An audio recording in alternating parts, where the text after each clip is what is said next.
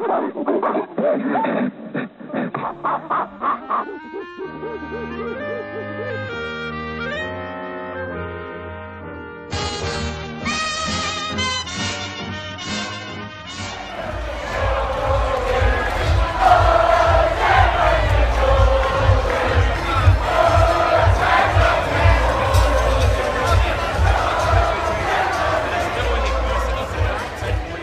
Hej och välkomna till podden Apans anatomi med mig Mattias och Erik. Hej Erik! Hej hej! Jag sitter här uppe i Umeå. Och jag sitter i Stockholm. Den här podden Apans anatomi, vi har ju som inriktning lite på den att diskutera sociala rörelser och sociala kamper. Det kommer märkas nu på kommande poddar vi gör att vi kommer prata mycket om eh, relationen parti och rörelse och titta på olika exempel i olika länder. Och det har ju lite med också det val på gång och Socialdemokraterna ser ju ut att göra ett katastrofval i Sverige just nu. Partiet ser ju ut att eh, tappar väldigt mycket. De har försökt lösa det genom att eh, gå in på motståndarens planhalva, beskriver de som, och befinna sig där, att diskutera brott, straff och invandring istället för sociala frågor. Och det har ju blivit också, ju mer Socialdemokraterna försöker kopiera högerns eller Sverigedemokraternas politik, ju mer har de tappat i opinionsundersökningarna. Och då börjar vi ana ett mönster från övriga Europa. Vi skulle kunna kalla det passokifiering efter det grekiska socialdemokratiska partiet PASOK som helt utraderades för tiotal år sedan. Vi kan se att socialdemokratiska partier tappar medlemmar i de flesta länder. Väljarkåren blir äldre. Klassröstningen håller på att brytas upp. Klassammansättningen påverkar det politiska partiet så att säga. Att när arbetarklassen förändras så kommer också klassröstningen brytas upp eller försvinna eller se annorlunda ut. Men också hur Socialdemokraterna i land efter land också har suttit med i kölvattnet av den ekonomiska krisen i mittenregeringar, stora koalitioner och administrerat nedskärningar. Det är väl en korrekt bild, Erik? Ja, det tycker jag är en passande bild. Eh, det är en tendens vi ser i jättemånga olika länder. Det är ju även i Holland och i Frankrike så har ju Socialdemokraterna gjort sådana där val sista året. Jag tror i Frankrike fick de 6 procent nu. Va? Det var någonting liknande i, i Nederländerna. Men idag ska vi prata om Storbritannien framför allt, har vi väl mm. tänkt. Egentligen är det ju fyra länder i Europa som är intressanta att titta på. Vi tänkte börja med Storbritannien där vi kan se just den här äh, relationen, Socialdemokraternas kris har lett till fyra olika resultat. Där Storbritannien kan vi se som ett exempel där krisrörelserna har tagit över socialdemokratin, tagit över partiet. Vi kan ta Spanien som ett annat exempel där de här äh, rörelserna, proteströrelserna på gatan inte tog över socialdemokratin utan bildade ett eget parti, ett rörelseparti då, på Demos och de här medborgarlistorna. Grekland är liksom ett tredje exempel där PASOKs sammanbrott ledde till att en vänsterkoalition, Syriza, kunde fylla deras position. Så att det var Vänsterpartiet som steg fram istället. Och sen Italien kan ju vara en fjärde modell där rörelserna har varit väldigt framträdande i alla krisprotester, studentprotester, i olika eh, arbetarprotester mot fabriksnedläggningar, men inte lyckats riktigt få genomslag på det partipolitiska planet utan det snarare var femstjärnerörelsen, en annan populistisk rörelse som kom och snodde hela det ja, mm. momentumet som uppstod. Så Storbritannien den här gången. Så vad, vad är det vi ska titta på, Erik? Precis, vi ska, vi ska titta på egentligen vad som har hänt på senare år i Storbritannien sedan krisen 2008 kanske framför allt. Det vi ska prata om i huvudsak är valet av Jeremy Corbyn till partiledare i Labour, som är då brittiska socialdemokraterna, traditionella socialdemokratiska partiet i Storbritannien. Och vi ska också prata kanske ännu mer om den gräsrotsrörelse som heter Momentum, som har bildats i kölvattnet av Corbyns eh, val till partiledare. Mm. Det är ju så att momentum används ju ofta i svensk debatt lite som ett buzzword just nu, upplever jag det som i alla fall. Det är ganska ofta som man ser ledarskribenter eller krönikörer i typ olika vänstertidningar som Flamman och ETC och Arbetaren och liknande tidningar skriver så här, Sverige behöver ett momentum. Det finns också ett initiativ som jag tror kommer från SSU-sfären, där man har bildat en Facebookgrupp som håller på att diskutera att starta upp något sånt här i Sverige. Och det ska vi väl återkomma till lite senare i det här avsnittet, att diskutera situationen i Sverige utifrån det vi har pratat om, om i Storbritannien. Men vi ska börja med att försöka gå igenom och förstå så här, vad gjorde att Jeremy Corbyn blev partiledare i Labour? Vem är han och vad är det här momentum då?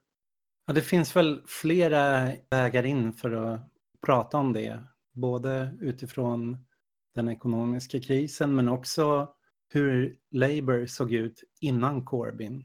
Mm. Jag tycker att vi behöver gå in på båda de spåren. Jag skulle nog ändå vilja att vi börjar med, med på något sätt den bilden av var Storbritannien som land har befunnit sig under den här perioden och vad som har hänt där. För jag tycker att det är så här, eh, punkt mm. A för mig. Och jag tror att det är ganska viktigt att förstå också om man sitter i Sverige och tittar på någonting liknande. Att förstå liksom var det här kommer ifrån. Och det som jag upplever när jag har suttit och gjort research för det här också, saker jag har följt genom de här åren. Jag följde ju liksom politik i Storbritannien redan runt krisåren då, 2008. Eh, en väldigt stor grej som hände i Storbritannien efter krisen. Alltså under, under den perioden styrde ju eh, New Labour fortfarande. Det var ju alltså Tony Blairs omformning av Labour till ett slags eh, nyliberalt mittenparti efter Thatcher hade styrt i början av 90-talet. Och de styrde ju 13 år och precis i slutet då satt Gordon Brown som premiärminister. Det var mellan 1997 till 2007 var det Tony Blair som ledde Labour och sen kom, hade Gordon Brown då fram till de förlorade valet 2010. Precis, och det här valet 2010 är lite intressant för att i det valet så, så förlorade ju då Labour och New Labours liksom projekt eh, dog ju lite på ett sätt med det här eftersom att man hade då drivit en nyliberal politik. Man hade fått en kris för nyliberalismen i världen och i Storbritannien. Man började sitta och behöva administrera nedskärningar och så förlorade man valet. Liksom. Så det är ju en, en så första situation som uppstår. Det, det, som är lite intressant är då att de som vinner valet, det blir en högerreaktion kan man säga. Så det är mm. det gamla Torypartiet som är de klassiska konservativa i Storbritannien som vinner David Cameron och de vinner på ett slags program som snackar om the big society, som är så här att man ska flytta makt till medborgarna på olika sätt, fast ur en slags högersynvinkel. Och sen så går ett annat parti framåt väldigt mycket i det här valet 2010 och det är ett parti som heter Liberaldemokraterna. Liberaldemokraterna uppstod på 80-talet och är en sammanslagning mellan det klassiska liberala partiet i Storbritannien och en högerutbrytning på 80-talet ur just social eller Labour. Det var, Labour var ju liksom supervänster under en period där på 70 80-talet. Så då hade man en sån högerfalang som bröt ur och gick samman med Liberal Party och bildade det här partiet. Och de gick till val 2010 framförallt kan man säga på att man skulle hindra ett idé, en idé som var i omlopp som var att införa eller höja alltså studieavgifter på universitet i Storbritannien. Så de fick jättemycket röster, de fick 23 procent i valet 2010, vilket är väldigt ovanligt för att Storbritannien är generellt som USA ett tvåpartisystem. Ja, just det. Vi ska komma in på det lite mer sen, hur det funkar tror jag, men, men det är ganska ovanligt att ett tredje parti blir så stort. Och sen satte de sig då, Liberaldemokraterna, i regering efter valet 2010 med det konservativa Torypartiet. Och det första de gör nästan efter att de har satt sig i regeringsmakten, det är att de klubbar ett jättestort nedskärningspaket i offentlig sektor, framförallt riktat mot sjukvården. och de inför en drastisk höjning av just studieavgifterna. Eller det kommer på förslag då hösten 2010. Och då smäller det? Då smäller det kan man säga i Storbritannien. Eh, det händer någonting väldigt spännande den där hösten framåt november, december. Det ska röstas om i parlamentet i december. Och i november så börjar det ske massiva studentdemonstrationer i, i London men också i resten av landet. Eh, en bit i, in i november 2010 så är 12 olika universitet ockuperade i Storbritannien. Det första som egentligen händer är väl den här Millibank-ockupationen, alltså det är typ 200 pers som bryter sig in på Torypartiets eh, valhögkvarter eller liknande i London. Ja, och det är ju New Labours gamla högkvarter som Torypartiet tog över också, så att det är dubbelt symboliskt laddat på det mm. sättet. Och, och, det man märkte, jag skrev lite om de här studentprotesterna när de skedde och, och jag har någon gammal artikel som jag skrev i Dagens Konflikt, som var en nättidning som fanns då 2010. Det målar lite bilden av de här ockupationerna och demonstrationerna. Och det är väldigt tydligt när man går tillbaks till det att väldigt många av de här som protesterar är inte folk som klassiskt har varit på yttervänsterflanken i politiken, utan det är liberaldemokraternas unga väljare som har varit då kanske en, men ungefär som jag skulle kunna tänka mig att Miljöpartiets väljargrupper är i Sverige, eller Centerpartiets mm. unga väljargrupper, i så här värderingsfrågor, ganska typiska så här progressiva ståndpunkter. Och den där gruppen blev så fly förbannade på Liberaldemokraterna och det var ju som de som hamnade i skottpluggen för hela den här studentprotestvågen kan man säga. Och sen parallellt med den så dyker också de här nedskärningsprotesterna upp i Storbritannien. Det startas någonting som heter UK Uncut. Eh, mm. Det kommer någonting som heter People's Assembly. Det kommer en rörelse som handlar om NHS, alltså sjukvården där också som jag tappar namnet på nu. Så det dyker upp massa sådana stora nedskärningsprotester också under den här mm. tidsperioden. Mm. Och UK Uncut är ju, jag kommer ihåg jag var, lyssnade på dem när de kom över och pratade, det var ju väldigt intressant i och med att de kopplade samman eh, nedskärningarna med skattesmitning. Så att istället för bara ge skulden på Tories så sa de så här mycket som det skärs ner inom universitets och sjukvården nu. Så mycket tas av skattesmitarna förs ut ur landet. Så då gick man och flyttade sina lektioner, sin verksamhet in på de eh, bankernas eller företagens kontor. Mm, och satte fokus på dem. Att säga, men ni säger att det inte finns resurser, men resurserna stjäls ju av de här företagen. Det är därför vi får, får nedskärningarna.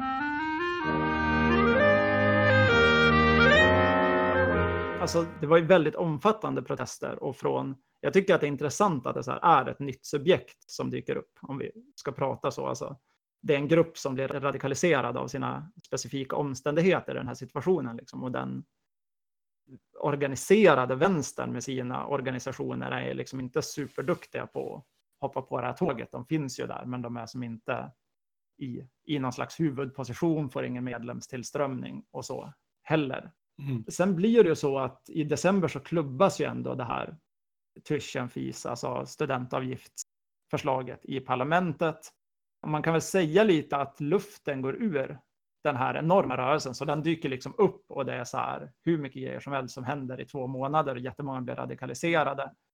Det sker ju, är det samtidigt som hela vågen av universitetsockupationer sker under den här protest? Ja, precis. Allting sker mm. egentligen i november, december 2010, så det är en så superintensiv period. Då har det också varit en väldigt stor ockupationsrörelse universitet i Italien och i Frankrike. Mm. Sker ju, och även i Tyskland sker det ju. Så det, det är ju en europeisk studentprotest som sker. Precis, åren. även om det här är fem år senare. Vi snackade ju i vårt avsnitt om SAD lite om de här studentprotesterna i Frankrike 2005 framför allt. Mm. Det finns lite så här kompositionsgrejer som liknar i det som hände i Storbritannien. Att man har dels de här studenterna som faktiskt går på universitetet, som inte är kanske superdrabbade själv, men som gör det här som solidaritets, alltså det är en solidaritetsyttring.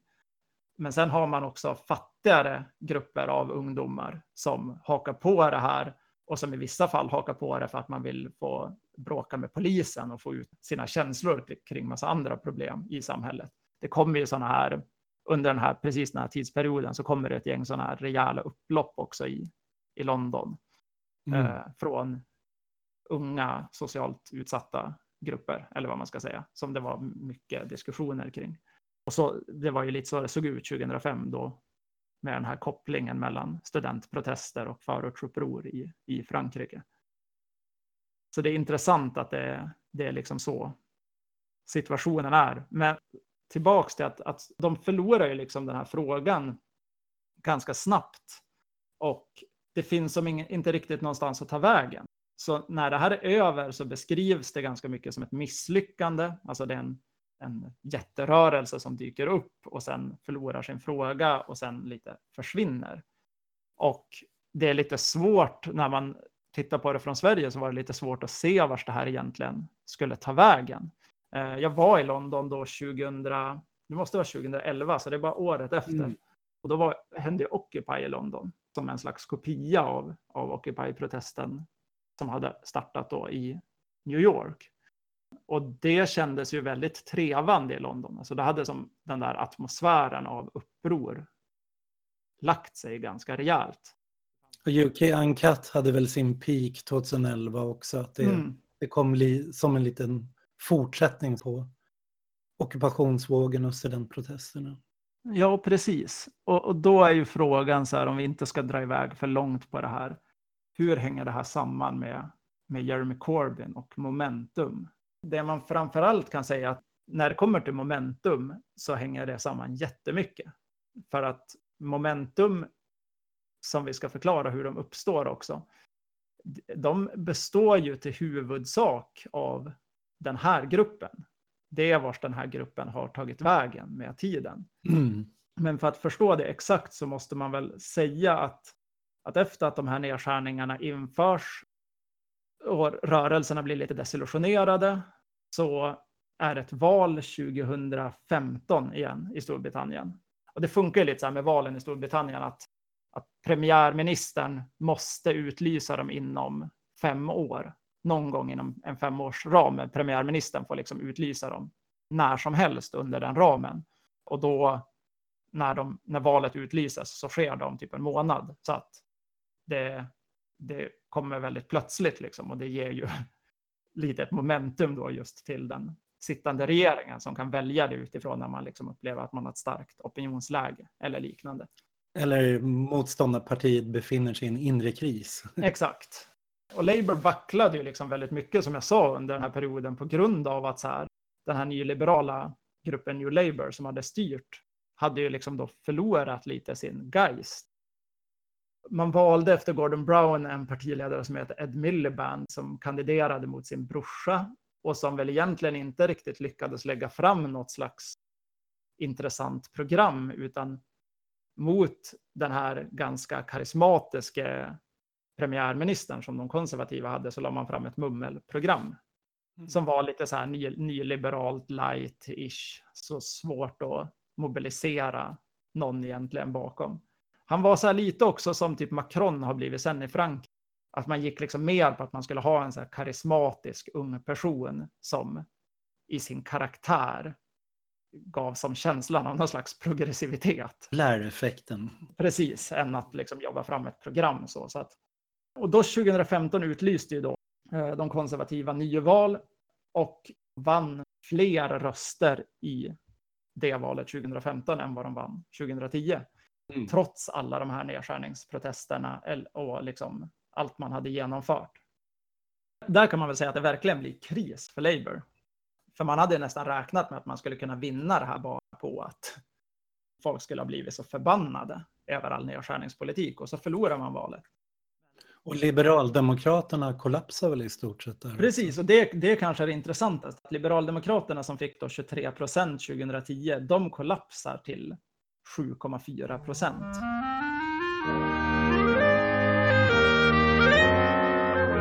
Och nu ska vi väl förklara det här lite, bara så att det framgår, för det kommer vi måste återkomma till. Alltså, Storbritannien har ett enkel majoritetsvalsystem. Det kallas för first past the post. Och det är ett valsystem som man kan säga, alltså i, i en valkrets så är det så att har du fem kandidater som ställer upp så är det den som får flest röster som får mandatet. Vilket innebär att om du jämför med Sverige då så det kan vara andra kandidater som är enade med varann som har fått då alltså mm. 75 procent av rösterna. Men det är ändå den här kandidaten som har fått då 25 procent av rösterna som får mandatet för att den enskilt är större än någon av de andra för sig. Liksom. Ja, just det. Och det här systemet gynnar ju egentligen existensen av, eh, eh, alltså det här har man i USA också, det är därför det blir tvåpartisystem. För att är man vänster till exempel så, så förlorar man på att vara fragmenterad och ställa upp mot varandra och dela upp sina röster mot varandra. Då kan man ha liksom ett väljarområde där vänstern egentligen är väldigt stark, men där man hela tiden förlorar till de konservativa bara för att de, den konservativa har en kandidat som samlar sina röster medan vänstern delar upp sina på fem. Liksom. Så hade det sett ut så i Sverige hade vi i stort sett haft en eh, riksdag med sverigedemokrater, moderater och sossar. I stort mm, precis, och det är därför egentligen så finns ju bara Liberalerna och konservativa var ju först de två största partierna och sen tog ju Labour Liberalernas roll. Och sen har ju då de här högersossarna som bröt ut och bildade Libdem försökte ju göra den grejen tillbaks då, alltså Mm. Man gjorde en utbrytning och gick ihop med de gamla liberalerna för att försöka tränga bort Labour från att vara andra partiet till, tillbaks till ett förmån för ett liberalt parti kan man säga.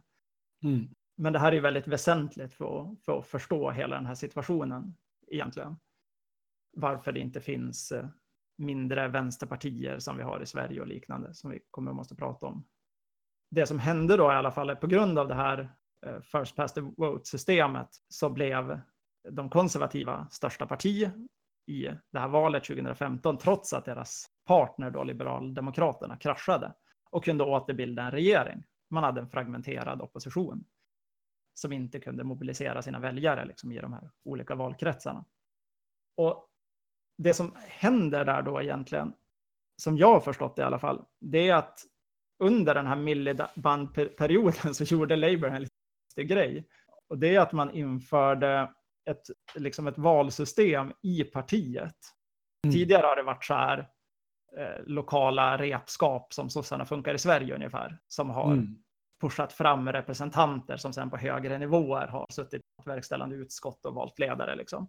Men de här New Labour-människorna, och speciellt liksom sen under Ed Miliband-perioden, de blev mer och mer i bråk med Unite, som då är alltså det största fackförbundet i Socialdemokraterna som har varit en väldigt styrande faktor i Labour.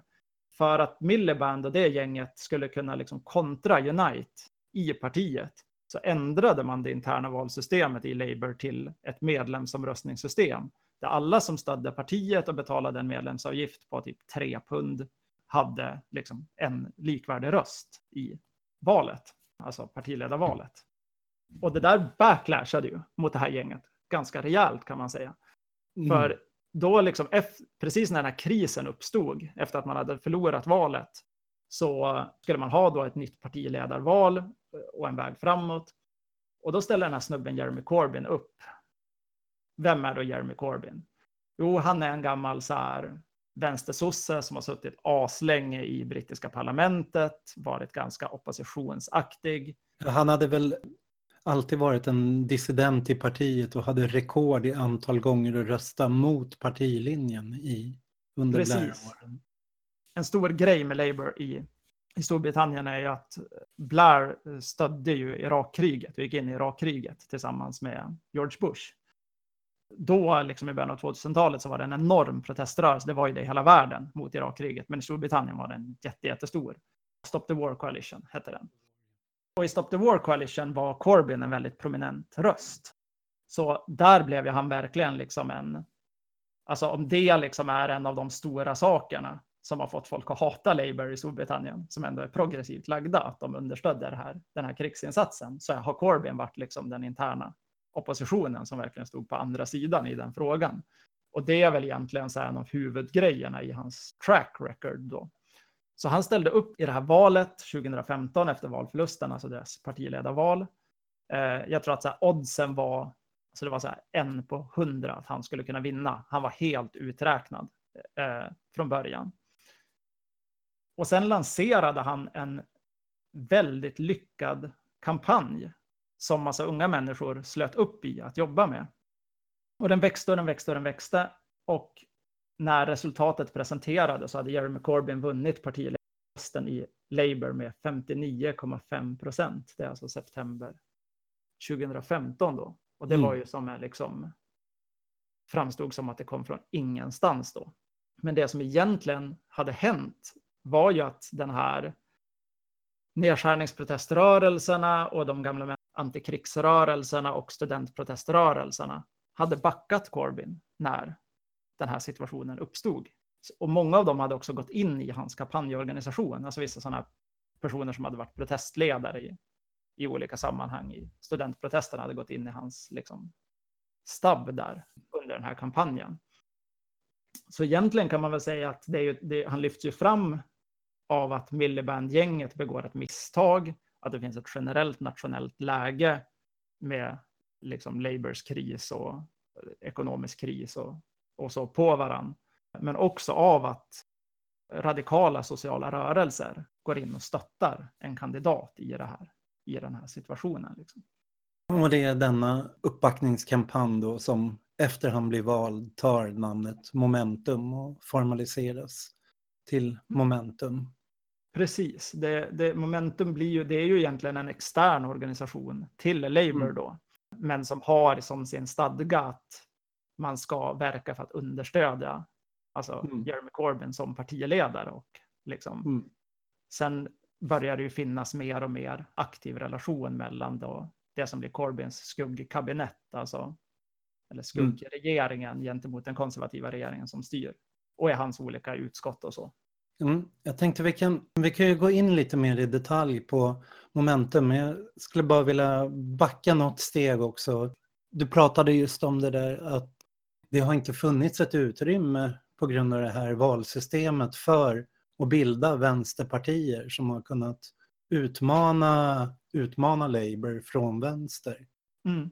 Och det har ju också gjort att den eh, radikala vänstern och sociala rörelser, de har ju gång på gång försökt ta sig in i Labour och verka inifrån Labour. I till exempel slutet av 70-talet och början av 80-talet, då var ju vänstern väldigt stark i Labour. Och det var dels då den här trotskistiska falangen, den formen av, vad ska man säga, marxism-leninism kring, inspirerad av, av Trotskij då, som hette Militant som var väldigt starka och det Militant fick ju sin svenska avläggning i det här arbetarförbundet Offensiv, det som nu är Rättvisepartiet Socialisterna och många av dem uteslöts. Men det var även det var ju även en annan falang, de här Tribune-gruppen och de som stöttade Tony Benn i olika val i början av 80-talet som knöt till sig hbtq-rörelsen, miljörörelsen, antirasiströrelsen och sen också regnbågskoalitionen som backar Ken Livingstone där i mitten av 80-talet. Och i de där rörelserna, där sociala rörelser försökte bryta sig in i Labour, det är ju den miljön som Corbyn fanns i. Mm, man kan ju säga att alltså med, med Militant just, de, alltså de var ju så stora att 1976 så tog de alltså Labours ungdomsförbund, motsvarigheten till SSU. Mm. Och det är också anledningen att den här högerutbrytningen sen kommer, som vi har pratat om lite, som formar liberal demokrat. Ja. Liksom, militant börjar ta över så stora delar av partiet i slutet av 70-talet, så, så blir det högerreaktionen liksom, från den mer ja. liberala falangen. Så när sen Tony Blair tar över Labour och gör om det till New Labour, då har ju han stort sett krossat den uh, vänstern inom Labour. Mm den är ju i stort sett utraderad och dessutom det finns inte de förutsättningarna heller för att få fram egna kandidater som Corbyn förrän först nu där det, när Miliband de ändrade röstsystemet mm. i Labour. Jag tycker momentum är väldigt intressant just för att i de här diskussionerna om vänsterpopulism så blir det så lätt att det liksom koncentreras kring Corbyn eller Sanders eller de här starka personerna. Mm. Men det man har pratat om i Storbritannien och formulerat är ju att det här är en Corbynism from below. Att det intressanta är den rörelse som har lyft fram honom och han, han har ju varit en perfekt kandidat för han har inte haft, han har inte haft några fiender på vänsterkanten och liksom kunnat ena alla. Han har inte varit indragen i, i Blair-regimen på något sätt. Men det, det, är ju att det är en rörelse underifrån. Den, den aspekten missas ofta när man pratar om vänsterpopulism och jag tror också när, när svenska vänstern tittar på vad som sker. Att de försöker kopiera Corbyns stil, Corbyns program, Corbyns sätt att uttrycka sig, hur han är som person. Men det är just den här äh, rörelsepushen som är det intressanta i den här formen av vänsterpopulism. Att det är någonting som kommer underifrån. Det som väl var den där stora liksom, grejen som gjorde att den här gruppen gick in och stödde Corbyn-kampanjen och sen kunde bildas som momentum, det är ju att han satte slopandet av de här studieavgifterna extremt högt på sitt kandidatprogram. Alltså, så han såg ju den, den kopplingen och Corbyn och han, det är någon allierad till honom som jag tappar namnet, eh, åkte också besökta de här studentockupationerna 2010 mm. medan Miliband satt och tävlade med högern om att ta avstånd från, för det var ju lite, lite kravaller och det var ju ockupationer och så vidare. Satt och distanserade sig från det här i tv. Pratade om ordning liksom. Då var liksom Corbyn och hans allierade liksom ute och rörde sig i de här miljöerna. Så man byggde ett, ett förtroende där med så sociala rörelser som stod helt utanför för mm. Labour.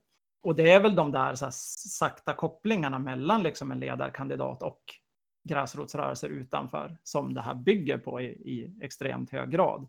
Sen är ju det momentum gör nu när de existerar, det är ju dels att liksom eh, jobba med en politikutveckling och eh, jobba med utveckla nya medier och så vidare, alltså hitta en, en så här gräsrotsstruktur som är, understödjer en drift mot vänsterpolitik liksom, i den allmänna samhällsdebatten. Corbyn blev ju utsatta för liksom, extrema interna drev efter det här, efter att han blev vald. Han blev ju utmanad av sin egen, av, alltså, av en person i sin egen skuggkabinett.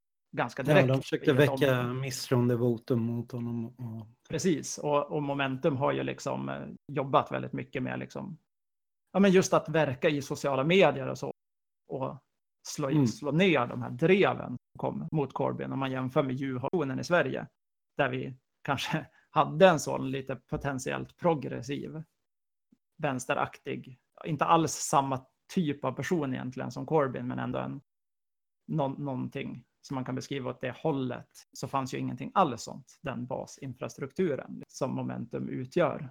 Och nu har de väl ungefär 30 000 medlemmar och sen 100 000 på olika utskickslistor. Och det, det speciella är väl också att de uppmanade alla att bli medlemmar i Labour också. Och ja, från, ja, nu måste från, man till och med. Ja, nu måste man vara det från 2017. Och det där är också, de har varit väldigt uttalade mot entrism och försöka, alltså att andra vänsterorganisationer eller trotskister eller så ska kunna gå in och ta över det här. Så att det är just mm. det där att man måste vara medlem i i Labour och inte acceptera dubbla medlemskap har gjort mm. att man har försökt stänga ute andra vänsterpartier och verkar. Men till en början var det ju faktiskt öppet även för andra vänsterorganisationer och medverka och jag tror till och med de hade i början att du fick vara med och rösta och uttala dig i frågor som rörde annat än Labour men handlade om Labour då fick bara de som var medlemmar i Labour rösta på Momentums möten. Men pratar man Irakkriget eller något annat så, så kunde vem som helst få mm. gå in och, och delta. Nej, det där, jag menar, de måste ju förhålla sig också till den här historien med Militant eftersom att det var en så stor grej i Storbritannien vad som hände där på 70-talet så är ju det en konstant referens i, i brittisk media också varit huvudpunkten liksom eh, punkten att hugga eh, på från eh, eventuella interna oppositioner Eh, mot den här rörelsen vänsterut. Liksom. Så att de har ju förhållit sig till det aktivt. Eh, sen kan man väl säga att alltså, för mig som har tittat ganska mycket på det, jag har ju precis som du suttit, lyssnat på massa poddar och läst liksom olika eh, tidningar och böcker och, och så vidare som har med det här att göra så, så är ju det här någonting radikalt annorlunda än vad militant var. Alltså. Militant Mm. var ju en, en aktiv trotskistisk organisation med entrism. Alltså strategin var att en extern organisation skulle gå in och ta över liksom, arbetarrörelsens huvudstrukturer. Med, det finns en trotskistisk ideologi i det. Som ju inte finns här och subjektet här är ju som återkommer till det hela tiden. Det är inte de här små gamla vänstersekterna som bara har gått in. Det, de finns ju där i viss mån, men det är inte huvudaktören, utan huvudaktören är radikaliserade unga. Ganska många som, av dem röstade på Liberaldemokraterna för åtta år sedan. Liksom. Så Mm. det, är, det är ju så här, verkligen AAA. Så här, det finns ett subjekt. Det finns en radikaliserad grupp i samhället som det här kommer ur. Utan Mm. den radikaliserade gruppen så skulle inte det här fenomenet finnas. Tittar man på alltså allt från röstsiffror till medlemssiffror och så, så ser man ju också att alltså, det är ju i jättehög grad människor som är några år yngre än mig.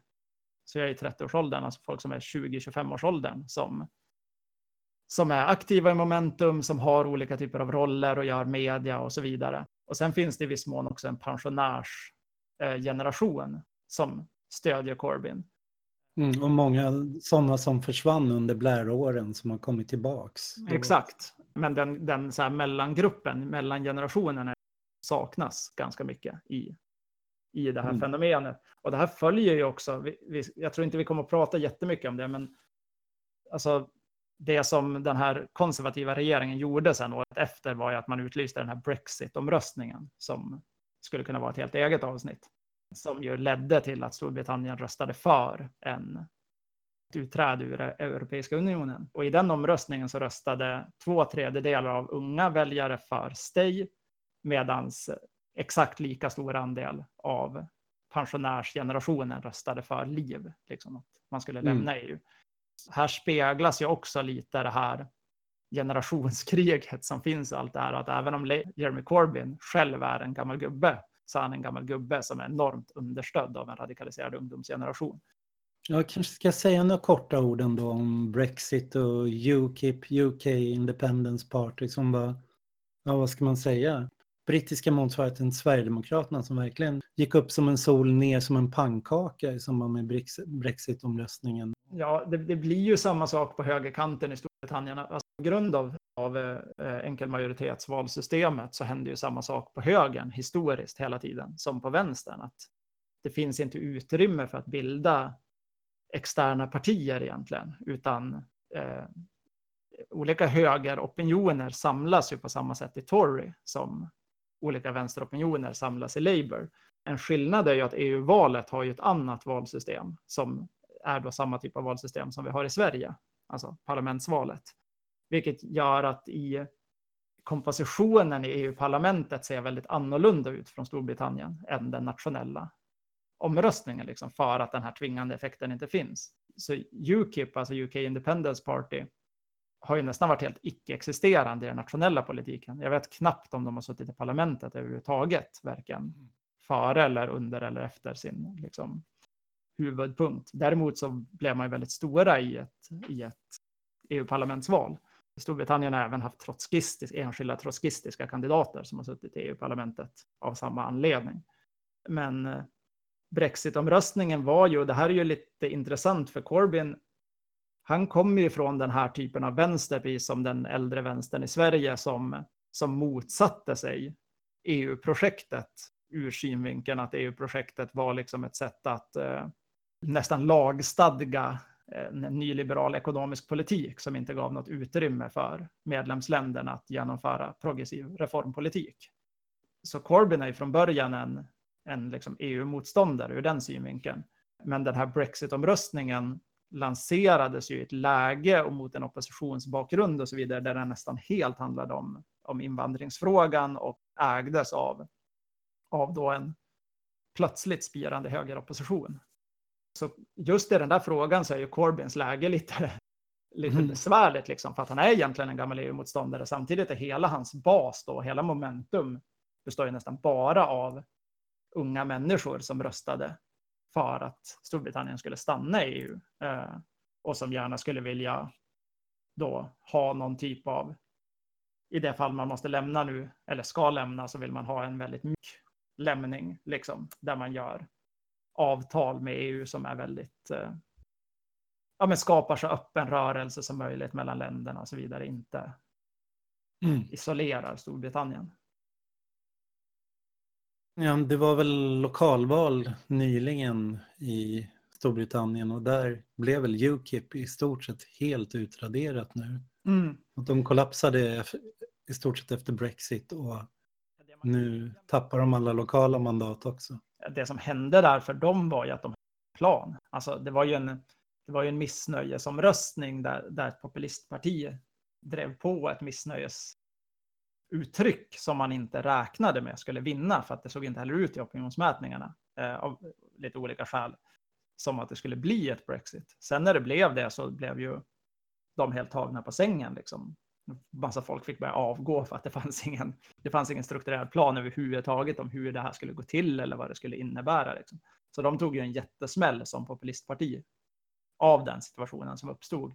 Och det gjorde ju även Torypartiet som ju hade en partiledare som var emot ett Brexit, men som samtidigt var den som deklarerade att man skulle rösta om det för att han var så självsäker på, alltså David Cameron, var så mm. självsäker på att eh, nej-sidan skulle vinna. Och sen så vann ja-sidan och så fick han avgå. Och nu är det ju Theresa May som är deras ledare istället. Och hela den situationen har gjort saker superturbulenta i Torypartiet, vilket också förklarar kanske lite det här ja, men momentumet som Labour har, trots att de mm. än så länge sitter i opposition, så finns det ju en tro på att man skulle kunna vinna nästa, nästa val, liksom, om man får fortsätta bygga upp sin plattform.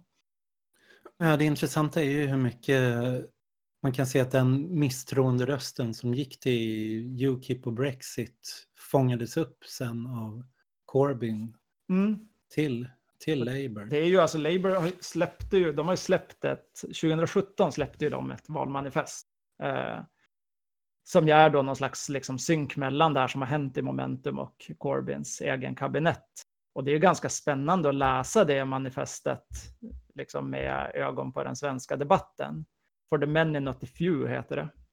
Mm. En väldigt lättläst och koncis text som jag tänkte på när jag läste att så här, det finns en del sossar i Sverige som säger nu att när sossarna vänt i Sverige i migrationspolitiken, att de går tillbaks till någon typ av traditionell socialdemokratisk hållning och att det man har varit på har varit någon slags avvikelse. Liksom. Och jag tycker att den där, den där bilden är så, alltså den är så falsk. Det man missar så mycket saker, man förhåller sig inte alls till, till att omständigheter faktiskt förändras. Liksom. Man låtsas inte om som att man lever i en föränderlig värld, utan man jämför mm. liksom, två helt olika situationer. Men läser man samma typ av fråga då i, i Corbyns manifest så är det en så koncist formulerad traditionell då socialdemokratisk migrationspolitik som liksom aldrig riktar udden mot migranterna själva, som skiljer på migrant och asylsökande, som går jätte, jättehårt på eh, arbetskraftsinvandring som är lönedumpande och liksom får mm. ihop allt det här i en form som faktiskt känns progressiv och som inte sparkar neråt. För det är det sossarnas migrationsutspel i Sverige gör. De, de har ju en retorik som riktar sig mot migranterna. Liksom. Hur radikalt är det där manifestet? Då? Jag läser kritiker på vänsterkanten som säger att ja, det är en återgång till socialdemokrati, men det är fortfarande en socialdemokrati light. Liksom. Det är en keynesianism. Det är alltså för mig som, som är betydligt mer radikal än så här, så skulle jag väl säga att ja, så är det. Eh, det. Det är ju de stora grejerna. Man ska ta bort studieavgifterna igen. Man ska göra en gigantisk investering i, i offentligt bostadsbyggande, säkerställa välfärdsinstitutioner, man ska återprivatisera viss infrastruktur som har avyttrats under de här nyliberala årtiondena det är sådana där grejer det handlar om. Det är så här, på vissa sätt ligger det nära vad typ LO lägger fram ibland i Sverige och så. Kan man väl säga. Samtidigt så, så finns det detaljer i det och någonting i tonen som gör att det, det, det är ett sånt enormt steg i en progressiv riktning från, från det man har vant sig se från socialdemokrater de senaste årtiondena.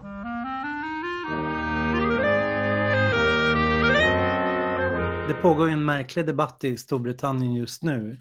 I och med Labours ambivalenta hållning till Brexit så har det ändå påpekats att stora delar av Corbyns program bygger på återinvestera, återindustrialisera Storbritannien och det, det bygger på att staten måste återigen ja, investera, låna ut, ge mm. fonder till att börja bygga och nationalisera. Och inget av det hade varit möjligt om Storbritannien stannar kvar inom EU.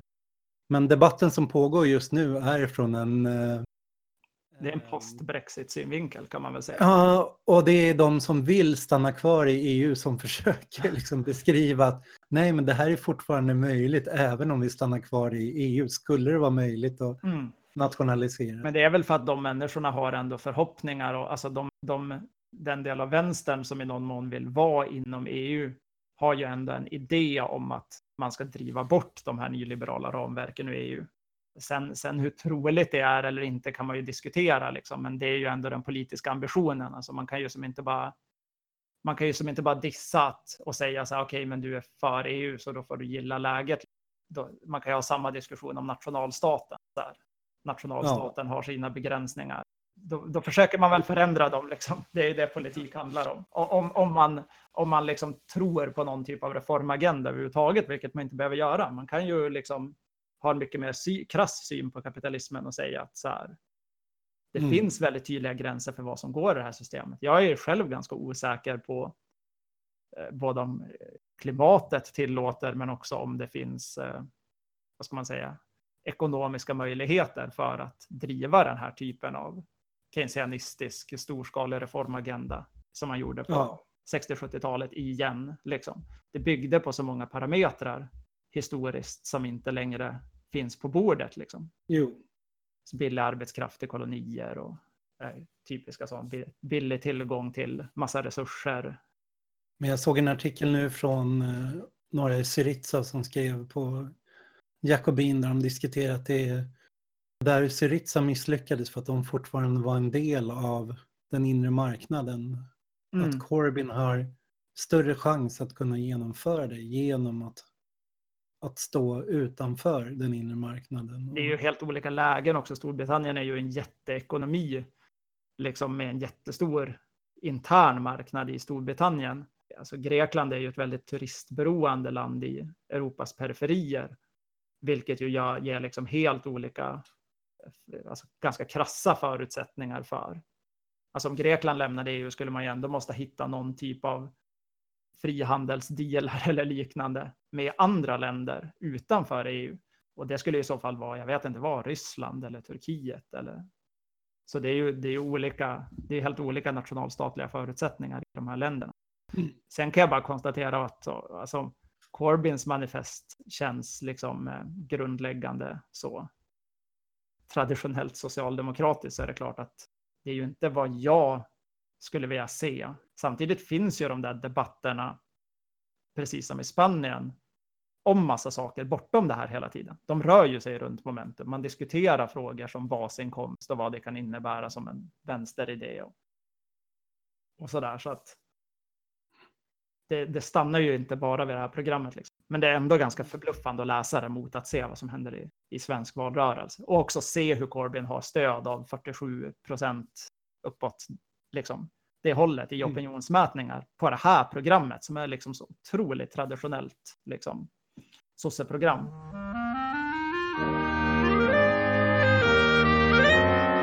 Tillbaka lite till momentum då. Mm. För att se hur de jag läste en del kritik, dels kritik inifrån Labour, från högerfalangen. De, de beskriver ju Momentum som ett parti inom partiet. Att eh, vänsterfalangen tillsammans med de här nya aktörerna, nya studentrörelserna, så att, eh, har blivit så stark, men de har blivit en organiserad egen falang inom partiet som tillsätter sina kandidater mm. och så. Men det intressanta som jag tycker med Momentum verkar ju vara att de inte bara är inriktade på att skaffa maktpositioner eller utan att det de gjorde var att medlemmarna skulle gå in och engagera sig lokalt. Att det handlar om Mm. ett vardagligt lokalt engagemang i facket, i Labour och eh, koordineras, hjälpa varandra att bedriva det arbetet. För en radikalisering och liksom vänstervridning underifrån. Mm. Inte bara utifrån att ta toppositioner och maktpositioner utan att faktiskt skapa en ökad eh, förankring. Och dels har det ju lett till en oerhörd ökning av medlemsantalet i Labour där alla andra socialdemokratiska partier tappar och går bakåt så ökar ju Labour. Det är 100, 100 000 nya medlemmar nästan.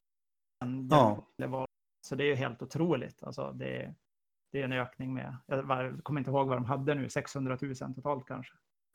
Men även att Momentum har en diskussion då hur man måste förnya arbetarrörelsen, förnya ar- närvaron i arbetarklassen på olika sätt. Mm. Genom att skapa nya mötesplatser, ny kultur. eh, Man har arbetat mycket med kulturfestivaler, deltagit på festivaler, funnits i fotbollsklackar, man har organiserat artister, kört Grimes for Corbyn och det har blivit en mängd olika uttryck som når ut där, där man kan säga liksom den gamla Labour hade stagnerat och liksom hade sin åldrande skara. Mm. Så att det vitaliserar, man vill in i, verka genom sportklubbar, genom lokaler, genom... Mm. Sen det man kanske har pratat om, så här, Momentum inspireras ju mycket. De tittar ju mycket på de här andra exemplen som vi sa att vi ska jämföra med i, i lite Mm. olika avsnitt och så. Och om man lyssnar på den kritiska diskussionen i Momentum så handlar ju den lite om att man ändå, trots att man har de här ambitionerna, så fastnar det lite i kampanjarbetesformen. Liksom. Det är mycket så här, ja men, det är de grejerna du säger och det är mycket dörrknackningar och så, men den här grejen som mer i Spanien, att man så startar så här, egna foodbanks i kvarteren eller alltså så här, riktig infrastruktur som förbättrar människors liv på väldigt konkreta sätt. Eh, hindrar vräkningar som PA har sysslat med i Spanien. De elementen är fortfarande det som saknas kanske lite i, i momentum och Corbyn-situationen. Att om man ska jämföra de här exemplen så, så är kanske problemet att trots att man bygger all gräsrotorganisering så lutar det lite för mycket fortfarande till tilliten till den här ledaren som ska vinna ett val. Liksom. Det är Mm. ändå ganska många som investerade i den idén. Och att man ska då knacka dörr och samla namn och kampanja för en person. De behöver inte stå emot varandra, men jag har sett liksom att den interna debatten Mm. finns mycket i momentum. Så här, hur, hur bygger vi den här hållbara infrastrukturen från medlemsbasen så att vi verkligen gör en skillnad i människors liv. Liksom. Inte bara sitter och väntar på reformer. Och det är väl det som är, är det intressanta eller spännande om det här bara blir en ny valkampanjorganisation som försvinner efter valet eller Mm. tappar, bara aktiveras under val eller om det här faktiskt kommer leda till en form av permanent lokal organisering på något sätt som Mm. vitaliserar hela lokalsamhällsorganisering, fackliga organiseringen. Mm. Det är ju sa- samtidigt, man ska ju säga det, att det är ju det där med, med liksom vitalisera organiseringen och så. Mycket av motparten i de här olika liksom lokala valkretsarna och så, det har ju varit Unite och liksom de här traditionella facken. Alltså, Mm. där ser man ju också att så här, det här är nya sociala rörelser som kommer utifrån och där stoppklossen ganska ofta är de här klassiska socialdemokratiska rörelserna som har blivit stagnerade institutioner och ägt partiet under större delen av 1900-talet. Jag tycker det är värt att nämna också, apropå om man så ska eh, snacka om jämförelser med Sverige och så, att så här, Mm. Unite blir ofta motparten, alltså momentumkandidaterna ställs mot Unite-kandidaterna, Mm. trots att Unite var lite så här små positiva till Corbyn också. Jag har försökt eh, läsa in mig lite på och följa diskussionerna inom, om man ska säga den utomparlamentariska vänstern, de som inte jobbar via partier och Mm. parlament, hur de, har, hur, de ser, hur de ser på det som sker med Momentum och Labour. Och det, ja, det har ju skapat en väldig debatt från den mer anarkistiska hållningen då, där man ser bara det här som infångningsförsök eh, eh, där snarare än att gynna rörelser så har det här dränerat och sugit upp rörelsen och sugit in dem i mm. partistrukturen och gjort att studentrörelser, krigsrö antikrigsrörelser, lokala rörelser försvagats. Att det snarare speglar den här eviga pendeln att först går alla ut på gatorna, mm. sen ser de att de når inte så mycket, då går de in i partiet och försöker mm. den vägen och då urlakas det som, som sker utanför. Sen finns det den andra balangen och där kan vi ju se det här medieprojektet som har kommit ur studentrörelsen och blivit väldigt betydelsefull som en ja, lite inofficiell och kritisk röst utanför Momentum, Novara Media, mm. deras diskussion. Och sen har vi Plan C som är Plan C kan man säga är det brittiska motsvarigheten till Allt åt alla. Där de ser att Plan A är en fortsatt nyliberal kapitalism och Plan B, alltså det andra alternativet är en centristisk socialdemokrati, nyliberal socialdemokrati och då vill de utveckla en eh, plan C, en tredje väg där C kan stå för commons eller kommunism eller vad man vill. Men, eh, mm. Och plan, plan C's diskussion är ju Dels har de varit väldigt nyfikna i och med att Momentum, när de har organiserat de här träffarna, när Plan C har ju varit inblandade i det här, skapa sociala center, eh, det har inte varit ockuperade utan mer hyrda lokaler som ska vara community centers och sociala rörelsecenter. Att Momentum har förlagt sina möten där och haft sina kulturfestivaler där och kommit in i den här diskussionen och Novara Media har suttit mitt, mitt emellan. Så att det har funnits en närhet i diskussionerna som aldrig har, som inte har varit på mm. väldigt länge. Och en väldig diskussion också, vart vill man? Vad vill man göra? Vad vill man uppnå? Vilka krav vill man få igenom? Där Plan C har sett att man kan inte stå utanför den diskussionen.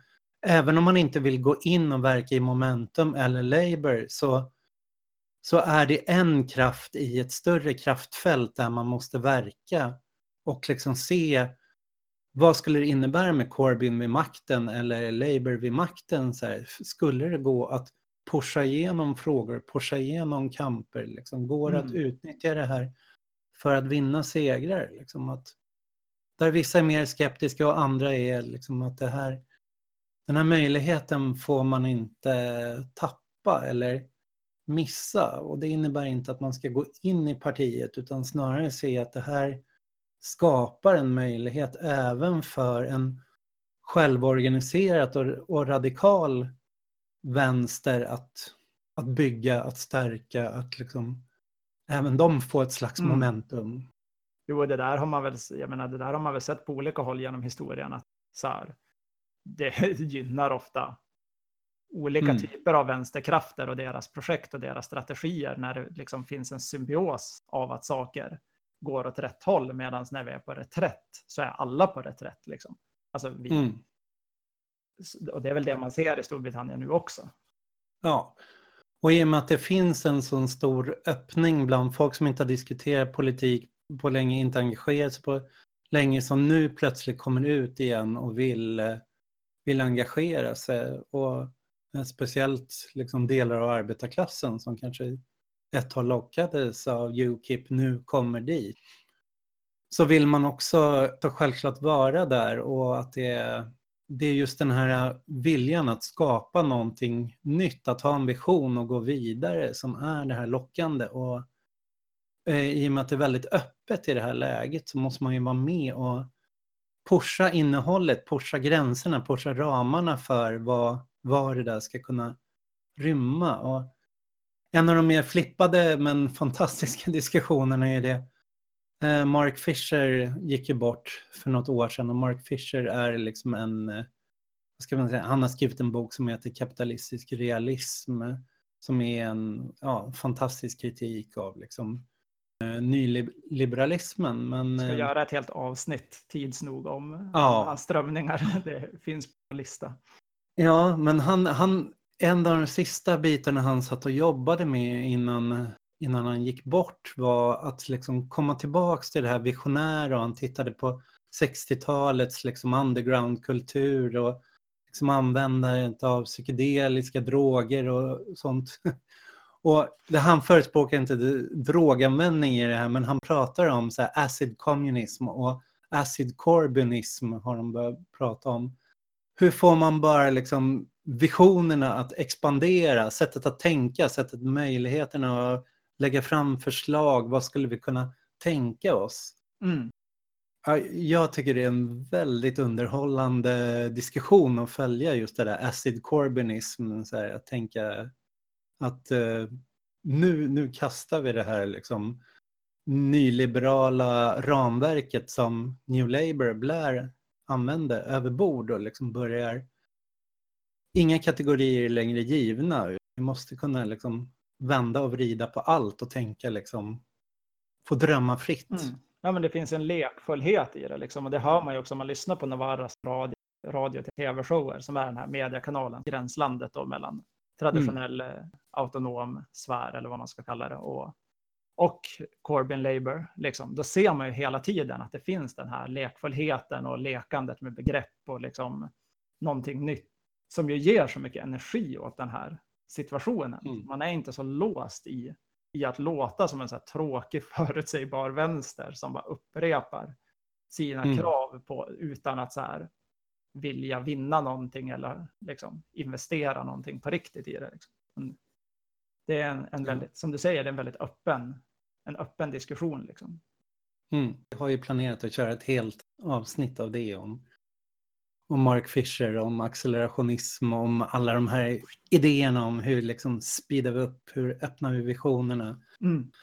Fully automated luxury, kommunism, eh, om postkapitalism-diskussionerna, liksom mm. någonting går bortom kapitalismen. Det, för de är jävligt spännande liksom, och visionära just nu mm. i en tid då vänstern mest känns som den blickar tillbaka. Och det, för det är ju någonting med Corbyn att det känns inte som ett eh, som mycket av socialdemokratin här, den vänstersocialdemokratin här, är att de vill tillbaka till en förlorad tid, återskapa det som var, utan det här är ju, det finns ju inte den välfärds att återvända till på det sättet. Där kommer vi till en helt annan grej också som är jävligt värd att nämna i det här sammanhanget. Det är ju att alltså i, i Sverige så styrde ju Socialdemokraterna liksom nästan oavbrutet från efterkrigs, eh, alltså, eller kring andra världskriget, eller egentligen sedan demokratin infördes, men framförallt sedan efter andra världskriget,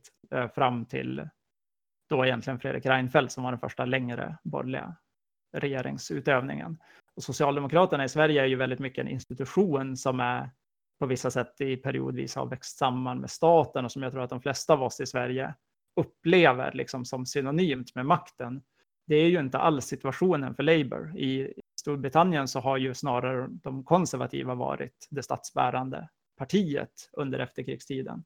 Labour har liksom, de styrde ju så här direkt efter andra världskriget, en kort period, då liksom hela landet låg i ruiner. Och sen så styrde de två minoritetsregeringar på 1970-talet, då det också var, eh, landet var på väg in i ekonomisk kris. Och sen så hade man ju sin stora regeringsera. Det är ju den här Tony Blairs New Labour-era, liksom. de har styrt i 13 mm. år. Det är ju Labours långa liksom, eh, sån period. Men det gör fortfarande inte att man är en institution på det där sättet. Och jag tror att det är, det är intressant för om vi ska snacka lite om Sverige nu och vi kanske kommer mm. komma över på det. Men det är också intressant för att förstå varför liksom de här öppningarna är lite mer vid sidan om då valsystemet varför de här öppningarna mellan Labour, olika radikala vänstersfärer och nya subjekt och så är lite mer öppna liksom, i Storbritannien.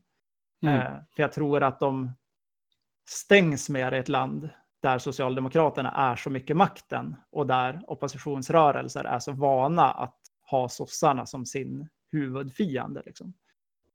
I, I Storbritannien, om man tittar på proteströrelser historiskt, så är det ju så här, okej, okay, vilka har varit huvudfiender? Ja, men nu, hela den här radikaliseringsvågen, så har det varit liberaldemokraterna och de konservativa. Ja, vem var det innan? Liksom, ja, Tony Blair införde en massa nyliberala reformer, men sist det var stök i England var ju liksom Thatcher-eran eh, 80 och tidigt 90-tal. Mm.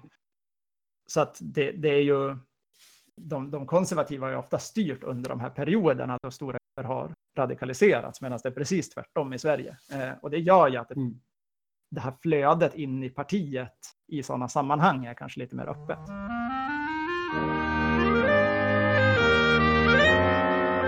Vi kan ju gå över till det, vad vi kan lära oss av uh, momentum, vad mm. vi skulle kunna ta hit. Om, om du bodde i Storbritannien, Erik, skulle du, skulle du gå med i momentum eller skulle du verka utanför? Jag, alltså jag skulle nog definitivt ha gått med när det hände. Alltså när, när liksom Corbyn-grejen dök upp och momentum startade så tror jag att jag hade gått in i det. Och jag är ju som så här punkarunge som, så är, hela min identitet har ju byggt på så här hata DDR-Sverige, hata sossarna, liksom var i någon slags spänningsfält mot den här skötsamhetsideals socialdemokratin. Liksom. Eh, mm. Och trots hela den liksom, känslan i mig som, som inte är så överens med, med sossarna som maktblock, liksom, så tror jag att om jag hade bott i Storbritannien 2015 så hade jag hamnat här. Just för att jag generellt gäller att befinna mig där det känns som att saker är i rörelse, där diskussioner är öppna och nyfikna. Jag hatar när liksom diskussioner blir så här cyniska och eh, man liksom hela tiden bara lägger in brasklappar för så här. Ja, men det där mm. går inte att göra och det där går inte att göra. Och momentum var ju en sån här jävla, det var så fart liksom när det kom igång. Så därför tror jag att jag hade hamnat där. Sen vet jag inte liksom i hela kompositionen av olika saker hur och, och så. Mm. Men vad, vad, vad, tänker du själv? Skulle du ha hamnat där? Om... Ja. ja, jag är, ja, men i och med att jag följer de här diskussionerna i Sverige om att skapa något liknande momentum här. Ja, jag är väldigt kluven. Eller jag, jag tror... Eh, vi har ju andra förutsättningar. Framförallt vi har Vänsterpartiet. Det är mm. liksom en, den stora skillnaden.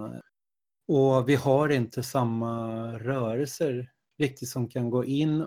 Socialdemokraterna i Sverige är betydligt mer toppstyrda på ett sätt att det är, det är reglerat hur du kan eh, Ja, du har inte samma nomineringsmöjligheter, du har inte samma möjlighet att föra upp din kandidat och svårare också att organisera kanske en rörelse som verkar ja, vad ska man säga, som ett parti inom partiet. Mm. Men det är ju det som ändå verkar lite på ske, att ske nu. Att det, dels har det kallats till möten i Göteborg och Malmö för att diskutera hur man ska starta ett svenskt Linköping såg jag nu också.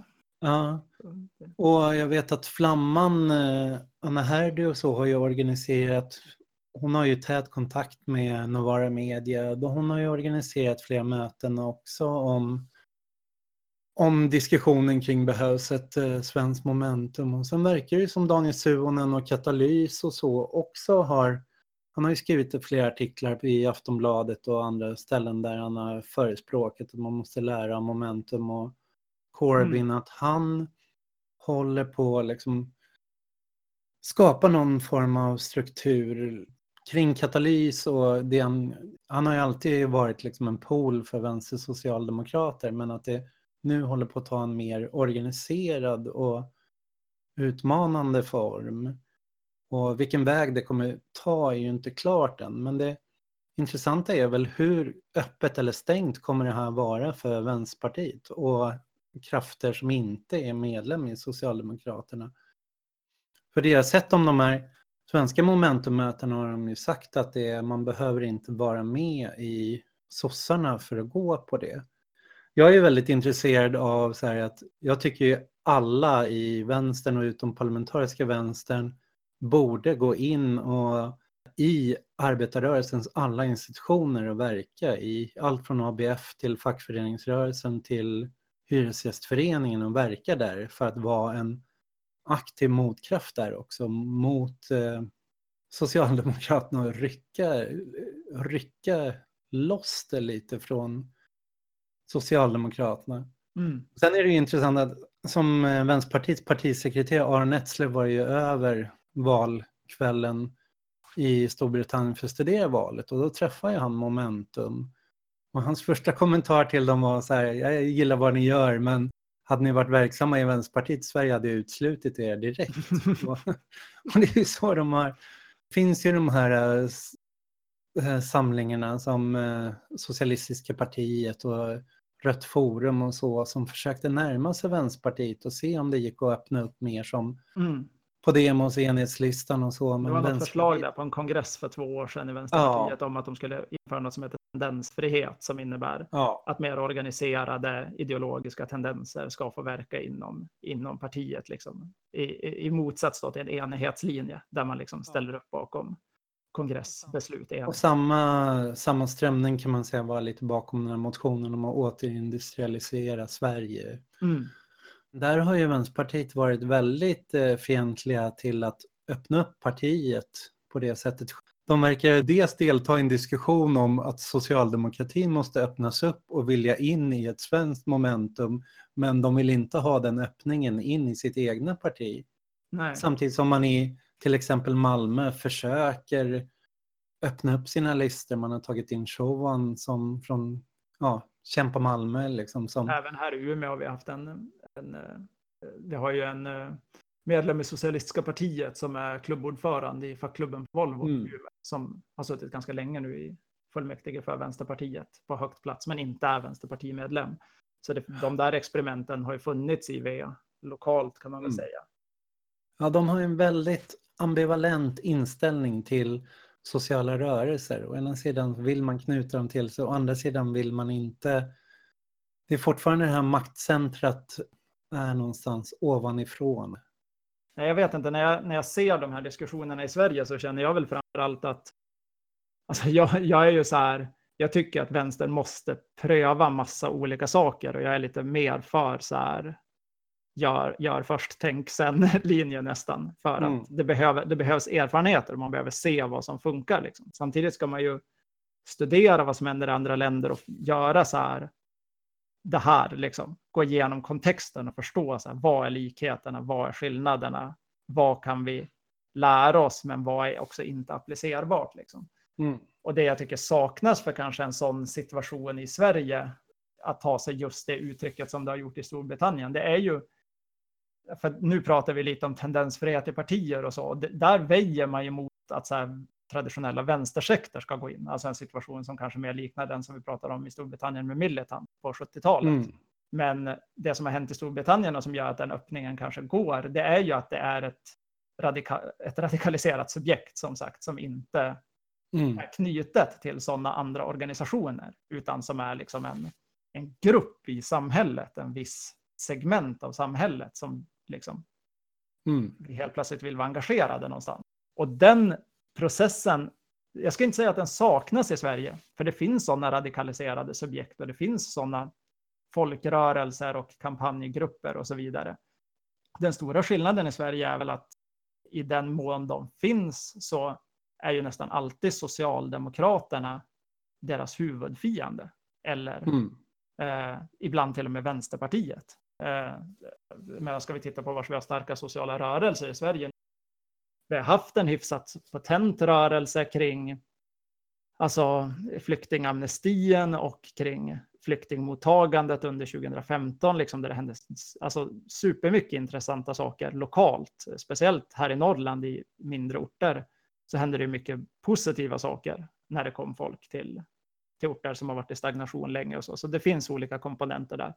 Men de grupperna har ju mycket liksom stått i, i opposition mot en socialdemokratisk regering som har gjort den här vändningen och, och liknande.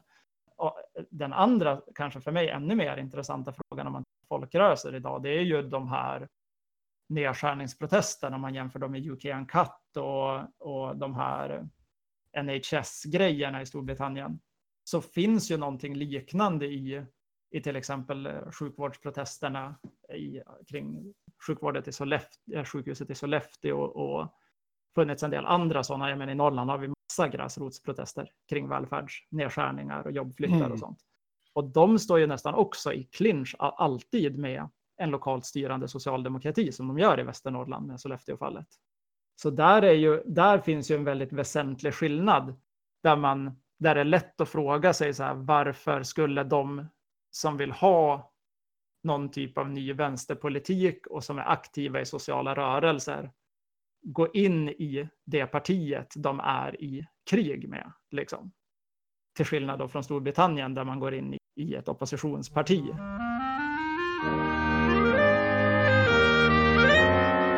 Jag tror ju väldigt mycket på två som kan verka motsägelsefulla strategier men ett undandragande ur socialdemokratin och ett intrång i arbetarrörelsen och att de även om de strategierna kan se ut som motsägelsefulla så måste de pågå parallellt. Att det, det intressanta med de här Norrlandsrörelserna är ju att det är socialdemokratiska gräsrötter socialdemokrat som lämnar på grund av nedskärningspolitiken mm. och bygger upp alternativa strukturer utanför. Mm. Mm. Och de kan ju ta vägen, de behöver ju inte gå åt ett radikalt håll men att uh, som, som vänsteraktivister tycker jag det där är intressant att vara, det där är intressant att befinna sig och vara med dem och i den rörelsen som går ut ur socialdemokratin. Samtidigt som jag tycker det är lika intressant att när socialdemokratin nu kommer tappa, försvagas, förlora mandat, eh, få färre anställda så innebär det också en öppning i arbetarrörelsen där Vänsterpartiet kanske är den starkaste kraften att kunna verka men eh, jag tycker alla radikala vänsterkrafter ska gå in och försöka verka inom de institutioner, använda de resurser som finns och gå med i fackföreningar, gå med i hyresgästförening, vara var aktiva i ABF och verka liksom inte bara i någon slags så här, entristisk eh, eh, ta maktposition i syfte utan verkligen vara stärka en basorganisering där. Och jag tror att det är anledningen till att det inte är motsägelsefullt både den här gå in och gå ur strategin, mm. det, är, det är för att det, man har alltid haft större påverkan på Socialdemokraterna när man har varit en kraft utanför.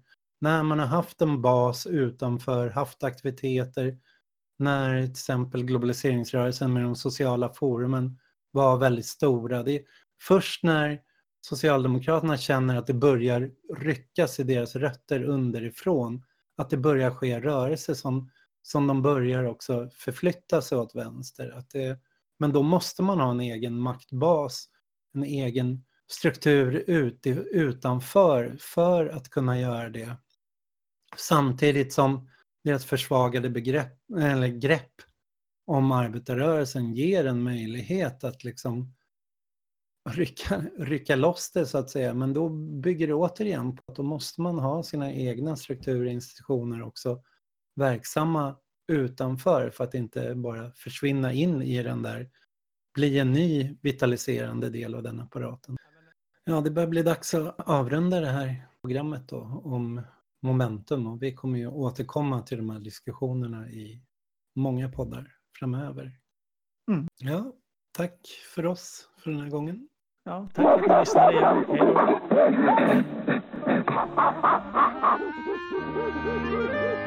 då.